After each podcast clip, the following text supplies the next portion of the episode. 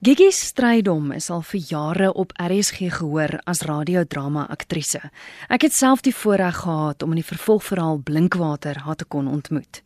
Nou Gigi is donderdag die 17de Mei in die ouderdom van 75 oorlede. En om die lewe van Gigi te vier, gesels ek met die aktrise Elma Potgieter. Hallo Elma. Hallo Christel. Oh. Ja, ek ek voel 'n bietjie verskeurd eintlik.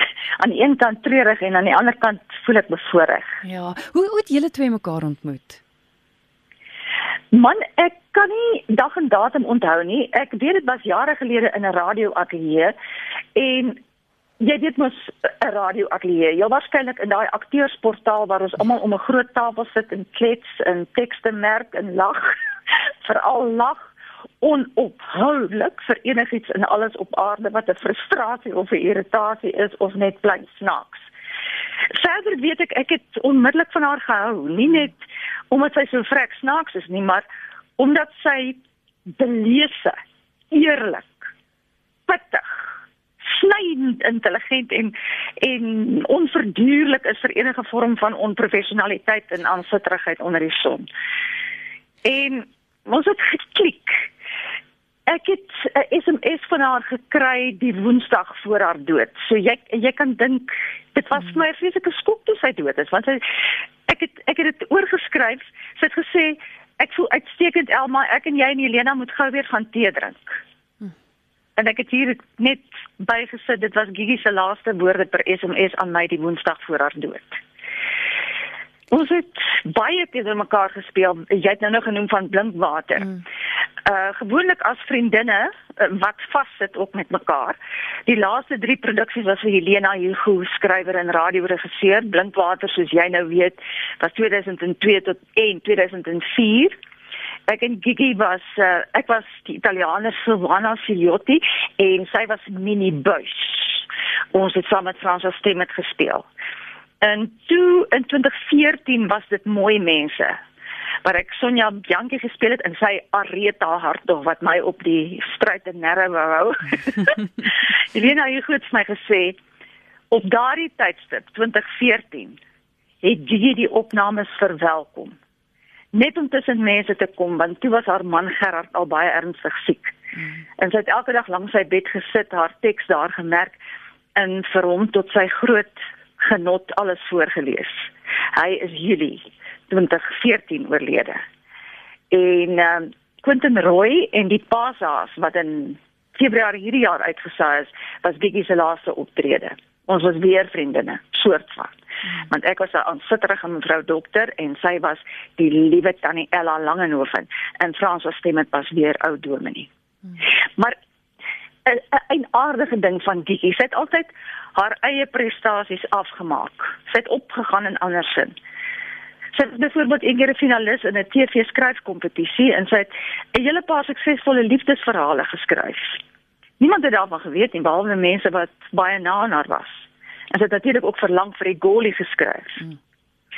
Ek het teruggekyk na my eposse en op 14 Desember 2017 het ons 'n uh, e-pos gesprek gehad oor die verlies van 'n geliefde, veral as dit jou geliefde man is. En ek haal aan wat sy geskryf het in aanhalingstekens nou. I Elma. Die smart en verlies oorval mense op die vreemdste tye en plekke. By die bank waar ek en Gerard altyd saam was. Die spaar in ons ou omgewing. Die vertroude harde ware winkeltjie, die slagter se vrou wat nou nog vra en hoe gaan dit met die oom? Dan versteen ek en mompel goed dankie in vlug dan lafhartig kart toe sonder om te sê dat hy dood is. Dan sê sy verder, ek het erns gelees dat smart soos die see is. Partykeer glad en stil en partykeer verwoestend stormagtig. Ja. Dit sluit sy af met soos Alcoholics Anonymous sê, one day at a time.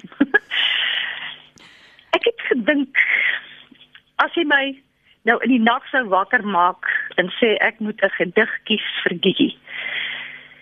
Dan sou ek onmiddellik besluit Wespark deur Elisabeth Eybers. Dan is die skepping van 'n slim, siniese en terselfdertyd empatiese kop en met 'n humoristiese aanvoeling soos min.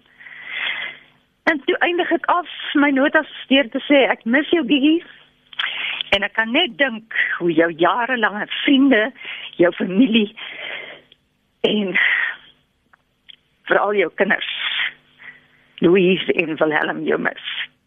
Ekskuus, ek raak nou heeltemal 'n bietjie uh weggevoer 'n bietjie emosioneel hier. Ek gaan maar ek waardeer dit baie baie dat jy dat jy sommer net aan 'n jarelange vriendin kon kon hulde bring. Groot waardering daarvoor. Dankie hoor. Dit was vir my 'n plesier en 'n voorreg. Dit is die aktrise Elma Potgieter met wie ek gesels het en sy het hulde gebring aan Gigi Strydom. Soos sy nou genoem het, die laaste stuk waarna sy gespeel het was Quentin Roy en die Pasa's. Ek het gister daarna gaan luister om 'n uittreksel daaruit te kry, net om weer na Gigi se stem te kon luister. Hy Dominie mis hom seker vir Dominie Teuns. Verlede jaar Paasfees was hy nog met ons. Maar julle was sulke goeie vriende. Ja, Ella ons was.